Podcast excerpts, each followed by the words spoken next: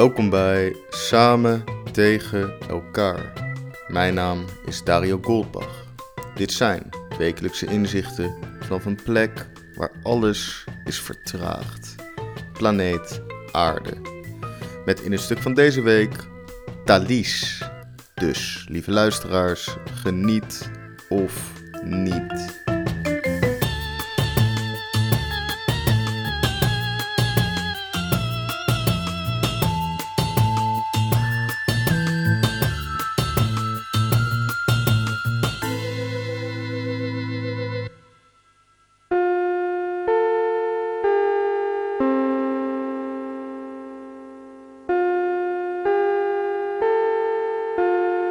Het hoofdprogramma gaat reeds van start.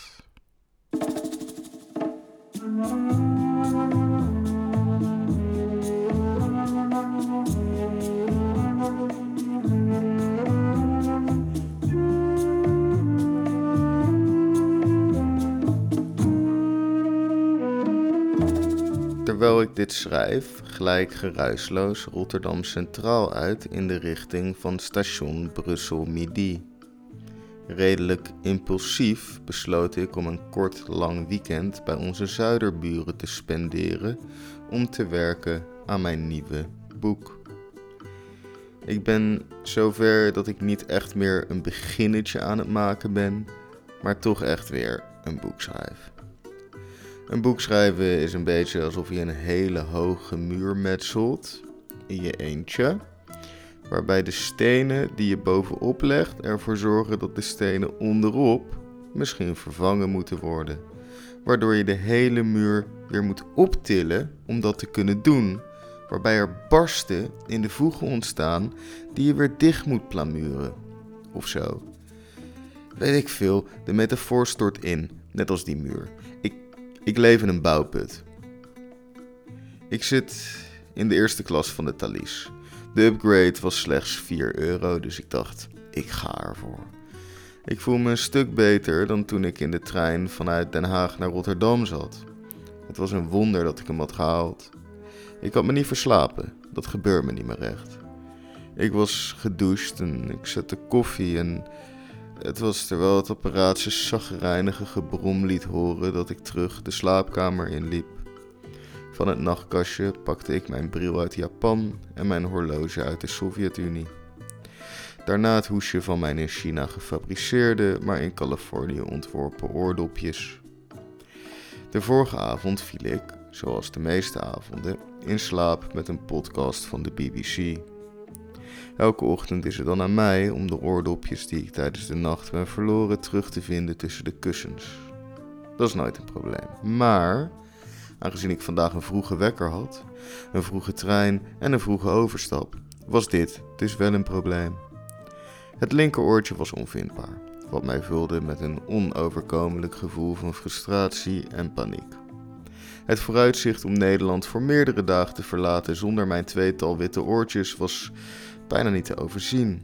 Wat een tyfuszooi. Ik sta op het bed, het dekbed te schudden, hopend dat ik het kleine stukje plastic technologie over de stenen vloer zal horen stuiteren, maar tevergeefs. Even later lig ik zelf op die stenen vloer met mijn telefoon schijnend onder het bed.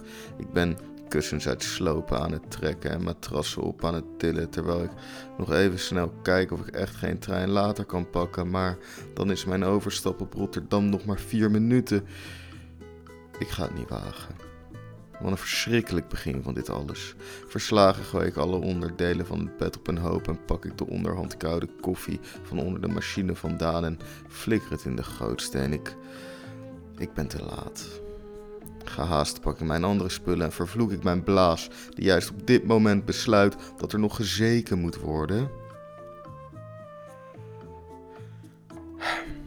Naast de wc ligt dan natuurlijk dat fucking oordopje. Ik ben niet eens blij wanneer ik hem vind. Volgens mij voel ik me als een ouder wanneer je puber vier uur na de afgesproken tijd stom dronken zijn sleutel in de gat van de voordeur probeert te rammen. Die was de afgelopen uren ongerust. Elke sirene die voorbij rijdt gaat potentieel naar het fatale ongeluk van je kind. Je bent doodsbang.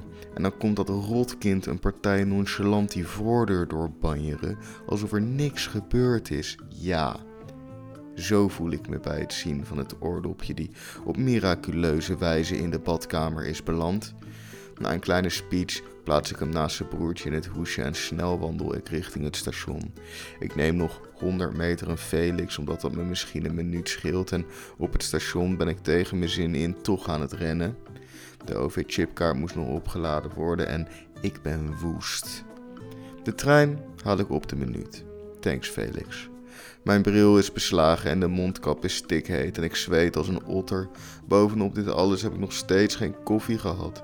Hoe kan van een mens worden verwacht om dit allemaal maar te voortduren? Op Rotterdam blijkt de Thalys vertraagd te zijn, natuurlijk. Ik had gewoon mijn koffie nog kunnen drinken. Wat een ramp. Ik ben woest, nog meer. De hoge snelheidslijn komt 20 minuten later op zijn dode akkertje binnenrijden. Arrogante klootzak. Sorry, het ligt aan mij. Ik heb nog geen koffie gehad. Nadat ik naar binnen loop en de eerste klas mij aankeek op een manier van: Wat doe jij hier? Alsof jij 4 euro over hebt voor deze upgrade, zit ik op mijn plek. Zodra we rijden, sta ik weer op en beweeg ik mij naar de coupé met de bar. Koffie.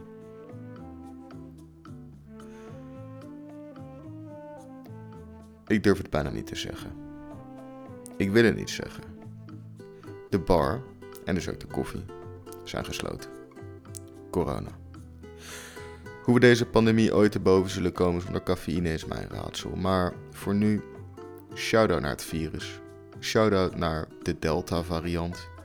Wanneer de cafeïnelevering is onderbroken, is Maarschalk Goldbach helaas niet meer strijdbaar. Corona heeft gewonnen.